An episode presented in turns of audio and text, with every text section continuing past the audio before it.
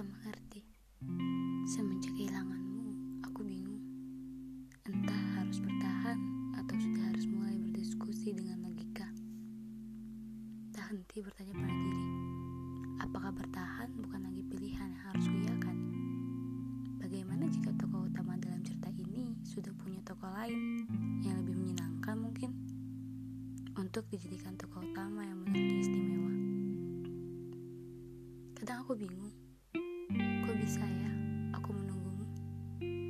Padahal kamu tidak pernah meminta aku untuk menunggu. Atau bisa jadi kamu memang tidak mau aku tunggu. Ingin sekali jadi tempat bersandar, tapi kamu malah menghindar. Ingin jadi yang terakhir, tapi malah berakhir.